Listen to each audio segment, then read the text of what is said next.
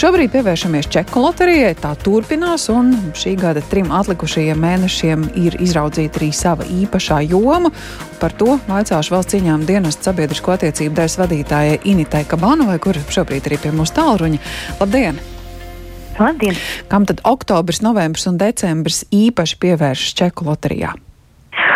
Nu jā, esam pievērsušies kaut kam tādam, kas ir aktuāls un piemērots, noz, piemērots gada laikam. Tātad mums būs divas tematiskās nozares pēdējiem trim gada mēnešiem, oktobrim, novembrim un decembrim. Un pirmā būs apģērbu un, apavu mazumtirdzniecība gan veikalos, gan dažādos stendos un tirdziņos. Un otra nozara lietoto preču tirzniecība. Un šeit var būt gan apavi un apģērbi lietoti, gan arī būtībā jebkas, ko var nopirkt, nu, piemēram, antikvariātā vai kādā lietoto mantu bodītē un dot tam otro dzīvi.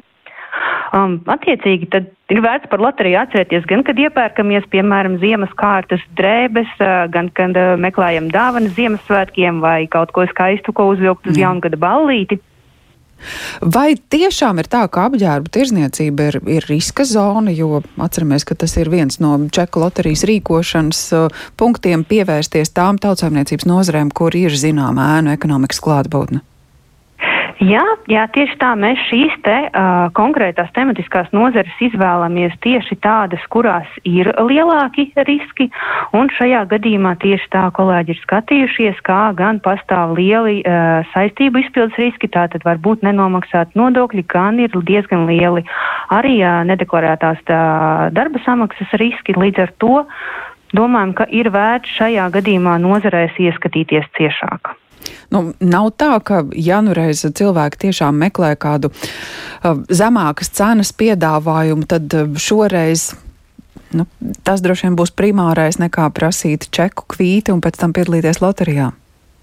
Nu, šajā gadījumā ir tā, ka tam nekādā gadījumā nevajadzētu būt pretrunā. Uh, zemākai cenai ir jāiet kopā ar uh, čeku.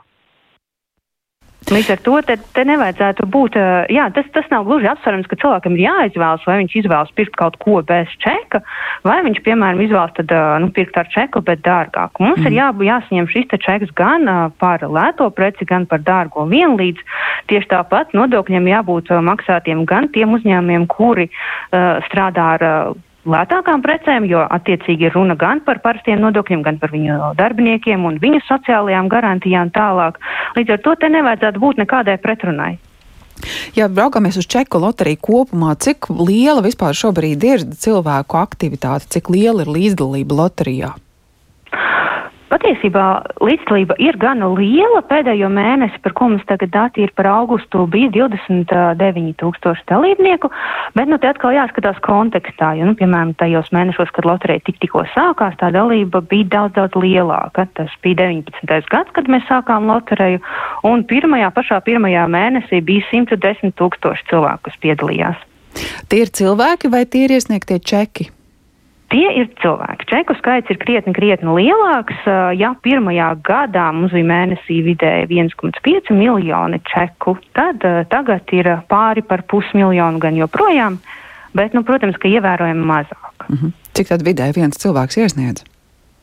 Um, Vidēji viens cilvēks arī tagad, ja mēs skatāmies pēdējā mēneša datus, nu, absolūtais vairums dalībnieku iesniedz diapazonā no 1 līdz 50 čekiem. Un tad uh, tie ir 7,7%, kur iesniedz vairāk. Tie tad ir iesnieguši virs 50 čekiem. Un tad tas sadalījums tālāk, tad lielākā daļa dalībnieku iesniedz diapazonā no 11 līdz 50 čekiem. Mm, tas nozīmē, ka šie cilvēki jau rūpīgi visticamākais piedalās loterijā, ir ielāgojuši, kuri punkti kā precīzi jāaizpilda, vai izlozes brīdī aizvien tā kārtība ir tāda pat, ka, nu, ja cilvēks ir iesniedzis ievērojami lielāku čeku skaitu, tad uh, izredzes laimēt ir lielākas, jo nu, iepriekš izskanēja, ka ir tādi cilvēki, kam izdevies mm -hmm. pie laimes tikt vairāk kārt. Jā, jā, šāda. Tas, nu, būtībā tā ir tad, nu, tāda pamata matemātika. Protams, ka jo vairāk čeku iesniedz, jo tā iespēja ir lielāka, bet atkal no otras puses tā ir nejaušība un garantijas nav tieši nevienam, jo mēs redzam no tiem rezultātiem, kas ir bijuši, ka ir cilvēki, kas ir iesnieguši to savu vienīgo čeku un ar to vienu viņš ir laimējis, un cits ir iesniedzis tiešām daudz un nav laimējis.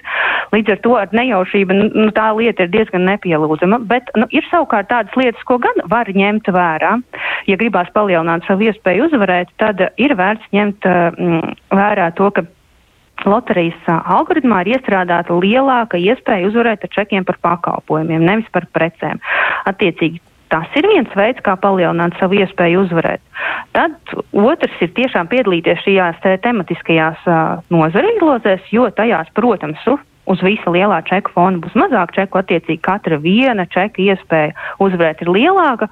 Un, nu, jā, un tad vēl tāds vispārīgs padoms vispār piedalīties loterijā, jo, nu, kā mēs runājām, tad tas kopējais dalībnieku skaits ir kļuvis mazāks, līdz ar to, protams, ka katra viena čeka iespēja uzvarēt palielinās. Nu jā, uzvarētājiem un dalībniekiem, protams, tas ir patīkami, jo tas nozīmē naudas balvu, bet uh, kādam jau par šo loteriju ir jāmaksā? Kāda tad ir tā loterijas izmaksu puse, kāda ir tā bilance, vai šobrīd var skaidri mēģināt uh, salikt to līdzsvaru, vai loterijai iztērētie līdzekļi attaisnojas skatoties uz uh, nodokļu ieņēmumu pieaugumu, piemēram, tajās pašās nozarēs, kam īpaša uzmanība tiek veltīta? Mhm. -huh. Jā, šis ir arī viens no tādiem mūsu pašu atskaites punktiem, jo nu, tā ir loterijas būtība. Kamēr mēs no viņas iegūstam, kamēr tas ir pienesums valsts budžetam, tikmēr mums šī loterija notiek. Un, līdz ar to tam mēs cītīgi sekojam līdzi. Es past, tad varu pastāstīt, kā veidojas izmaksas. Izmaksas ir aptuveni 600 tūkstoši eiro gadā, no tā lielākā daļa ir balvu fonds, balvās aiziet 430 tūkstoši eiro, un pārējais ir organizēšana. Organizēšana tas nozīmē, ka visa tehniskā puse, kas kas ir pati izloze mājaslapa, kurā mēs šos čekus savadām, to mums nodrošina Sijā mobilī, un tad ir jā, attiecīgi vēl ir uh, izložu pārraides, redzījumā Super Bingo ir uh, reklāmas izmaksas, nu tad tas viss kopā sasumējot veido šos te 600 tūkstošus eiro. Nu, un tad pretim, ja šie ir izdevumi, tad pretim ir ieņēmumi. Un ieņēmums veidojas no tā, ko mēs savukārt no šīs loterijas kādus pārkāpumus mēs atklājam, kādus nenomaksātos nodokļus mēs redzam. Un te pagaidām tā bilance loterijai ir ļoti pozitīva. Uh, pēc pagājušais gada bija šķiet 2,5 miljonu pienesums uh, budžetā un uh, attiecīgi nu, mēs ļoti droši redzam, ka, ka tas. Uh, ka, tas, ka tā bilance ir pozitīva. Un, uh, Jā, nu šajā gadījumā, kā tas pienesums veidojās, te absolūti lielākā daļa ir tad, kad mēs redzam, ka uzņēmumos čekos parādās ienā, ieņēmumi, kas nav deklarēti, attiecīgi no tiem nav nomaksāti nodokļi. Tā ir lielākā daļa, un pārējais ir arī dažādi pārkāpumi, kad darbojas nereģistrēti uzņēmumi, uzņēmumi, kuriem jau jābūt sen likvidētiem. Uh, ir gadījumi, kad mēs caur čekiem redzam nelegālo nodarbinātību, un tad šo te mhm. visu uh, sasumējot kopā, tad mēs redzam tīri naudiski, kāds ir pienesums valsts budžetam. Nu jā, tā kā loterija ar, ar šo mērķi arī raudzīties, cik godprātīgi strādā uzņēmēji, loterija turpinās jau vairākus gadus. Kāds ir tas uh, nākamā gada plāns? Vasarā izskanēja doma, ka čeku loterijai būtu jāliek punkts. Mhm. -huh. Jā, patiesībā šobrīd tāds viens ļoti konkrēts apgalvojums, ko mēs šobrīd zinām, ka loterija pilnīgi noteikti notiek vismaz līdz nākamā gada uh, februārim, kad notiek gada izloze par šajā gadā iesniegtajiem čekiem. Tas ir tas, ko mēs zinām skaidri. Pārējais ir, kā mēs runājām, mēs tiešām redzam, ka dalībnieku skaits loterijā arvien samazinās, un mēs ļoti sekojam, lai neiestātos tas brīdis, kad mēs par loteriju iztērējam vairāk nekā mēs no viņas iegūstam, un vienkārši redzot šo te tendenciju, šo te arvien samazinājumu, nu, šķiet, ka tas brīdis tuvojas. Attiecīgi valsts ieņēmuma dienests ir rosinājis uh, finanšu ministrijai uh, izskatīt iespēju pārtraukt loteriju tālāk pēc gada izlozes. Ja? Un finanšu ministrijas tālāk ar šiem datiem strādā, jo loterija ir uh, diezgan regulēta, loterija ir pašai savs likums, un attiecīgi tā tad tālāk jau ir jāstrādā likumdevēja līmenī, lai lemtu par to, vai loterija turpinās vai nē. Skaidrs.